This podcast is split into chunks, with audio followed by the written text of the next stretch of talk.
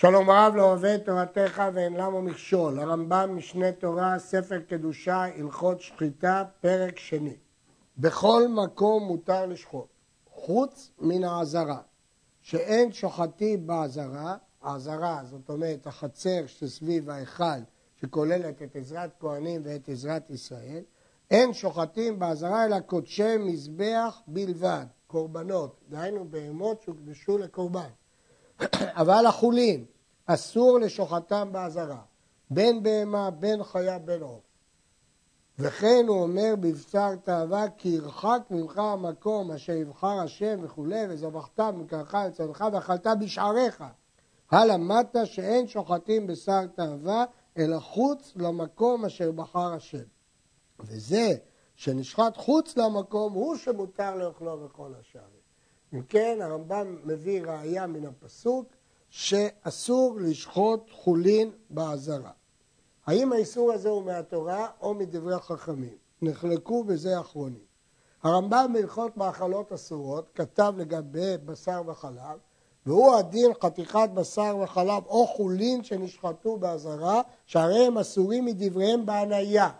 שם הוא כותב בפירוש שהאיסור בהניה הוא מדברי סופרים של חולין שנשחטו באזהרה. האם יש חילוק שאיסור אכילה הוא מהתורה ואיסור הנאה מידי סופרים, או שניהם מדברי סופרים, בזה יש מחלוקת אחרונים. אבל השוחט חולין באזהרה אותו הבשר טהור, ואסור בהנאה כבשר וחלב וכיוצא בו. מדגיש הרמב"ם, הוא לא נבלה, הוא לא מטמא, כי סוף סוף הבשר נשחט. אבל כיוון שזה חולין באזהרה, אז הוא אסור בהנאה. וקוברים אותו, בכלל כל הנקברים, ואיפה אסור. אפילו שחט לרפואה או לאכילת גויים או לאכיל לכלבים, סוף סוף יש לזה שם של חולין שנשחטו באזהרה, ולכן אסורים בהנאה. אבל הנוחר באזהרה, ממית בהמה שלא בדרך שחיטה, והמעקר מושך את הסימנים במקום לשחוט אותם, וגוי ששחט, והשוחט ונמצאת טרפה, והשוחט בהמה חיה ועוף הטמאים באזהרה, כל אלה אין להם שם שחיטה כשרה, והרי אלו כולם מותרים בהנאה.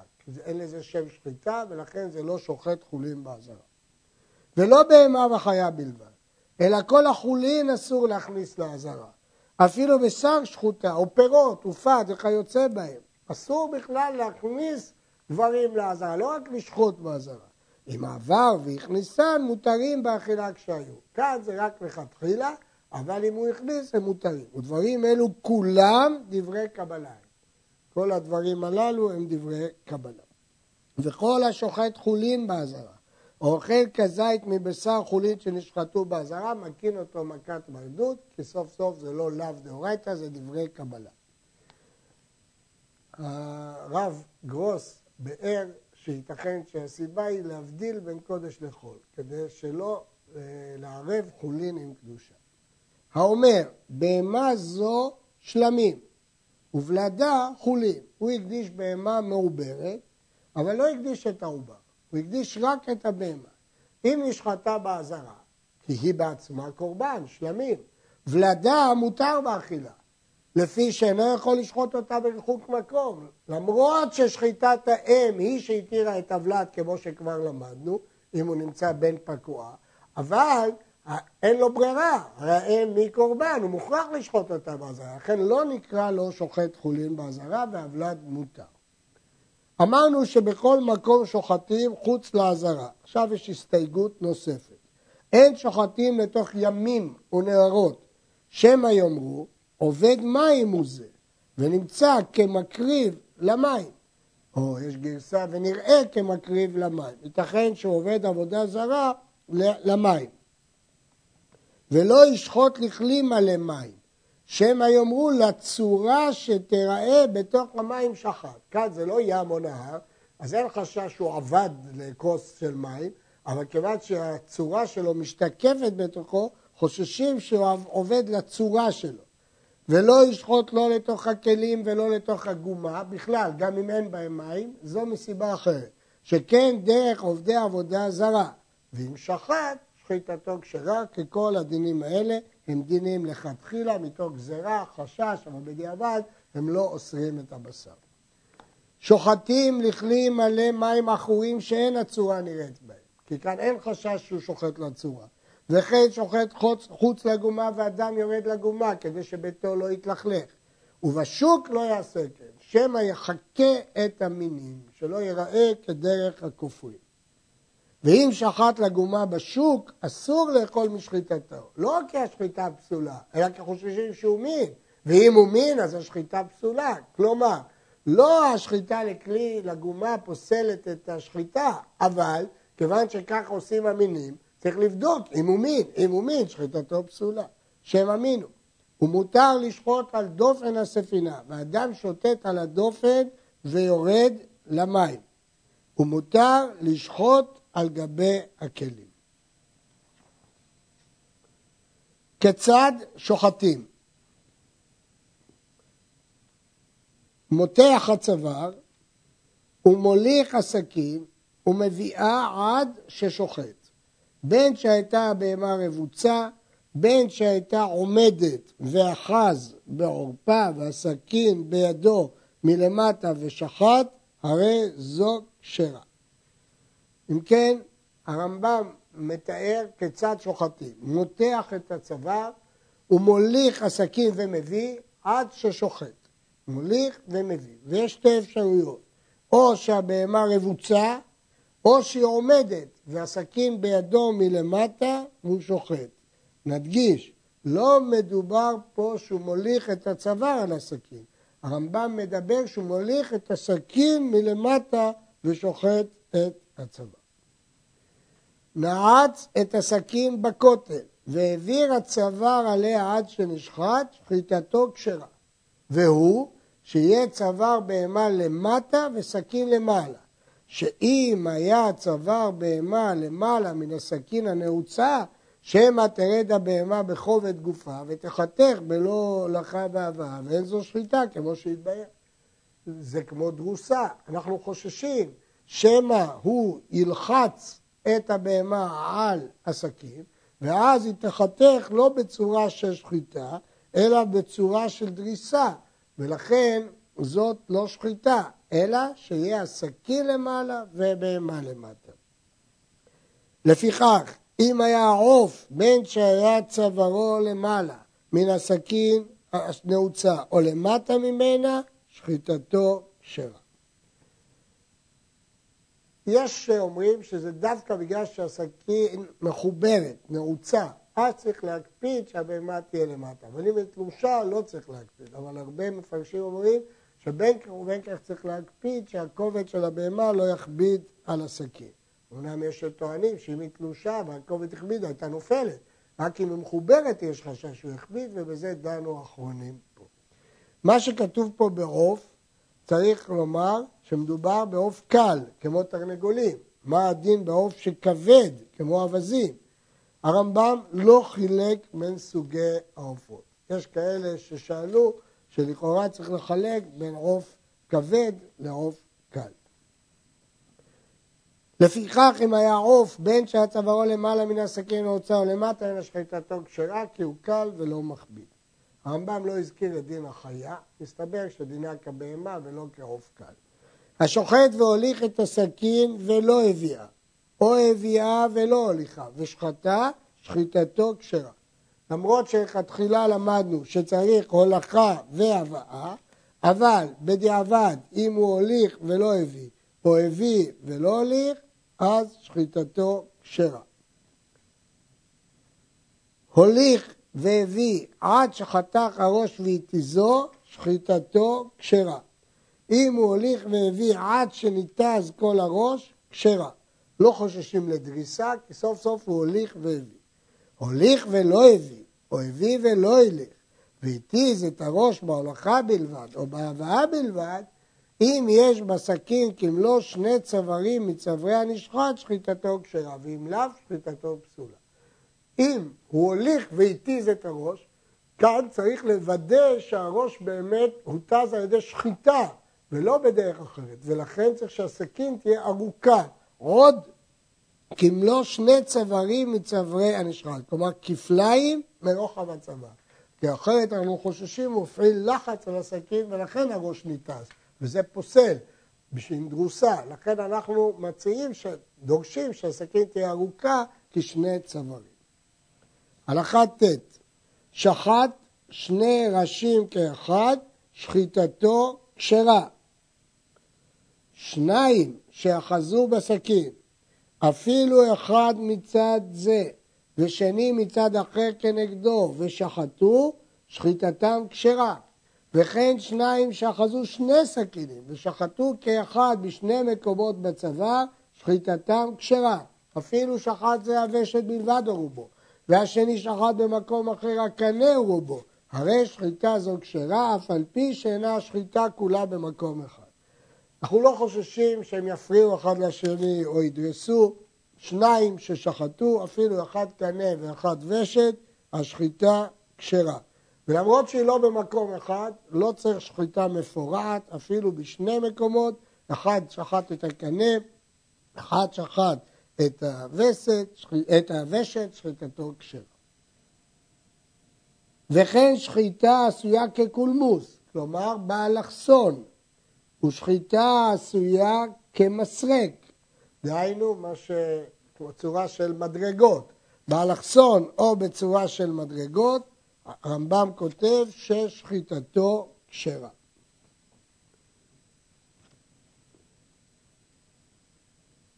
יש אה, פירושים נוספים על המושג אה, מסרק, אבל זה הפירוש אה, הרגיל. ושואלים אם הוא עובר מצד לצד, הרי יש חשש כשמסרק, כשהוא עושה מדרגות, שהוא יעשה עיקור כשהוא עובר מצד לצד. כך שואל הפרי מגדים. ולכן הוא מפרש שהוא חותך פעם לימין, מרים את הסכין, חותך לשמאל, מרים, חותך לימין. ולא שהוא מטה את הסכין תוך כדי שחיטה, כי אז יש חשש של עיקור. אבל הרמב"ם לא הזכיר בכל זה דבר. י"א, אין שחיטת החולין צריכה כוונה. בניגוד לשחיטת קודשים, שחיטת חולין לא צריכה כוונה. אלא אפילו שחט כמתעסק, או דרך שחוק. הרשב"א כותב אפילו חתיכת בשר, הוא לא צריך להתכוון לחתוך בשר, לא רק לא צריך להתכוון לשחוט. או שזרק סכין לנועצה בכותל, הוא בכלל לא התכוון לחתוך. ושחטה בהליכתה, הואיל והשחיטה כראוי במקומה ובשיעורה, הרי זו כשרה.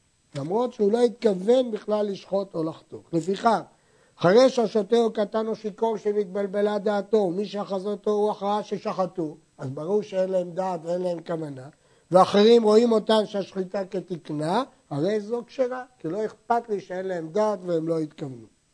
אבל סכין שנפלה ושחטה, אף על פי שחטה כדרכה, הרי זו פסולה, שנאמר וזבחת עד שיהיה הזבח אדם ואף על פי שאינו מתכוון לשחיטה. כך אומרת המשנה, וזבחת ואכלת צריך שיהיה מכוח גברא, מכוח בן אדם, ולא שהיא תיפול. גלגל של אבן או של עץ, כמו גלגלים ששימשו לדליית מים מן הנהר, שהייתה סכין קבועה בו, וסיבב אדם את הגלגל, ושם הצוואר העוף או הבמה כנגדו עד שנשחט בסביבת הגלגל, הרי זו כשרה, זה כוח גברא, כי הוא זה שסיבב את הגלגל. ועם המים הם מסבבים את הגלגל, ושם הצוואר כנגדו בשעה שסבב ונשחט, הרי זו פסולה, כי הוא לא שחט בכוח גברא, למרות שהוא קרב את ה... צוואר לסכין, זה לא נקרא, צריך שהוא יקרב את הסכין לצוואר. ואם פתר אדם את המים, פתר, כלומר, הוא פתח את המחסום כדי שהמים יניעו את הגלגל, עד שבאו וסובבו את הגלגל ושחט בסביבתו, הרי זו כשרה שהרי מכוח בן אדם בה. הוא זה שהסיר את המכשול, הוא זה שגרם שהמים יסובבו את הגלגל. במה דברים אומרים בסביבה ראשונה? כוח הראשון. שהיא מכוח בן אדם, אבל מסביבה שנייה או לאחריה אינה מכוח האדם. אחרי שהוא הסיר את המכשול עכשיו המים זעומים בגללם, לא בגלל האדם, אלא מכוח המים בהליכתם. זאת אומרת, הכשרת המכשול פותר נחשב רק בשלב הראשון, בכוח הראשון לכוח אדם. אבל אחר כך זה לא נחשב כוח אדם. יש להעיר שמדובר בגלגל תלוש, לא מחובר, כי במחובר למדנו שהשחיטה פסולה. השוחט לשם הרים, לשם גבעות, לשם ימים, לשם נהרות, לשם מדברות, אף על פי שלא נתכוון לעובדם אלא לרפואה וכיוצא בה מדברי הוואי שאומרים הגויים, הרי שחיטתו פסולה. כאן השחיטה פסולה גם בדיעבד, כי בעצם זה סוג של שחיטה לעבודה זרה. גם אם הוא אומר שזה מגן עליו, מרפא אותו, זה אמונה בעבודה זרה. אבל אם שחט לשם מזל הים, או מזל ההר, או לכוכבים, ולמזלות וכיוצא בהן, פה ממש הוא שחט לשם עבודה זרה. הרי זו אסורה בהניה ככל תקרובת עבודה זרה. אז יש פה שתי דרגות. אם הוא שחט על מנת לעובדם, זה ממש תקרובת עבודה זרה. אבל אם רק לרפואה או למטרות כאלה, כי הוא לא התכוון לעובדם, אז אמנם זה פסול, אבל זה לא אסור בהנאה. השוחט את הבהמה, לזרוק דמה לעבודה זרה, או להקטיר חלבה לעבודה זרה, הרי זו אסורה, זו מחלוקת המוראים, כך פוסק הרמב"ם להלכה. מדוע?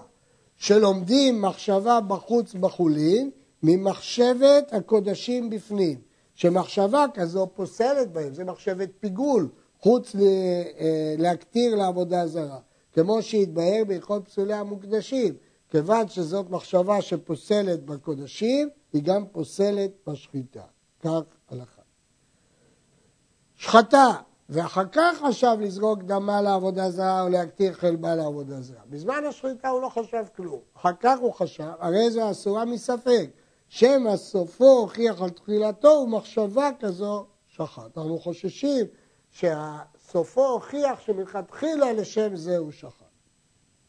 השוחט לשם קודשים, לשם קורבנות, שמתנדבים ונודרים כמותם, שחיטתו פסולה, שזה כשוחט קודשים בחוץ. כיוון שהוא שחט לשם קודשים, הוא אמר שהשחיטה היא לשם קורבן, ומתנדבים ונודרים כמותם, אפילו שהם בעלי מומים, זה כשוחט קודשים בחוץ. כך כותב השולחן ערוך, שאפילו הם בעלי מומים. כמובן, שאם הם תמימים, אז יש חשש שממש הוא מקדיש קודשים בחוץ. אם הם בעלי מומים, זה מפני מראית העין. כיצד? שחט לשם קודשים שאינם באים בנדר ונדבה. שחיטתו כשרה, כי אין שום חשש שנניח שהוא הקדיש, כי הם לא באים בנדר ונדבה. כיצד? השוחט לשם עולה, לשם שלמים, לשם תודה, לשם פסח, שחיטתו פסולה, כי כל אלה באים בנדר ונדבה. למה פסח בא בנדר ונדבה? הואיל והפסח מפריש אותו בכל השנה, בכל עת שירצה, הרי זה דומה לדבר הנידר ונידר. שחט, לשם חטאת, לשם אשם ודאי, לשם אשם תלוי, לשם בכור, לשם מעשר, לשם תמורה, כל הדברים האלה אי אפשר לנדור ולנדוב אותם, שחיטתו כשרה. היה מחויב חטאת, ושחט ואמר לחטאתי, שחיטתו פסולה. כיוון שהוא כבר מחויב חטאת, ועכשיו הוא אומר שהקורבן הזה לחטאתו, אז ברור שאנחנו חוששים שזה לשם חטאת, למרות שזה לא נידר מנידר, אבל הוא חייב חטאת. היה לו קורבן בתוך ביתו, ושחט ואמר לשם תמורת זבחי, שחיטתו פסולה, שהרי המיר בו. הרי אנחנו יודעים שיש לו קורבן בבית, ולכן אנחנו חוששים שהוא ממיר בו. הפרי חדש אומר שלא הכוונה המיר, אלא הרואה יאמר שהוא המיר, שמא המיר בו. אבל לשון הרמב"ם, שהרי המיר בו, וכך הבין האבן העזר, שזה ממש תמורה. האישה ששחטה לשם עולת יולדת, ואמרה זו לעולתי, שחיטתה כשרה, שאין עולת יולדת באה בנדר ונדבה, אבל אינה יולדת שהתחלבה בעולה. ואין חוששים לה שמא הפילה, שכל המפלת קול יש לה. אבל השוחט לשם עולת נזיר, אף על פי שאינו נזיר, שחיטתו פסולה, שעיקר הנזירות נדר מן הנדרים. נכון שהוא כבר, כשהוא נזיר זה חובה, אבל עצם הנזירות היא נדר, וזה נקרא הדבר הנידר ונידר. שניים אוחזים בסכין ושוחטים, שאמרנו שזה מותר. אחד נתכוון לשם דבר שהשוחט לא שחיטתו אסורה, והשני לא הייתה לו כוונה כלל, או אפילו נתכוון לשם דבר המותר להתכוון לו.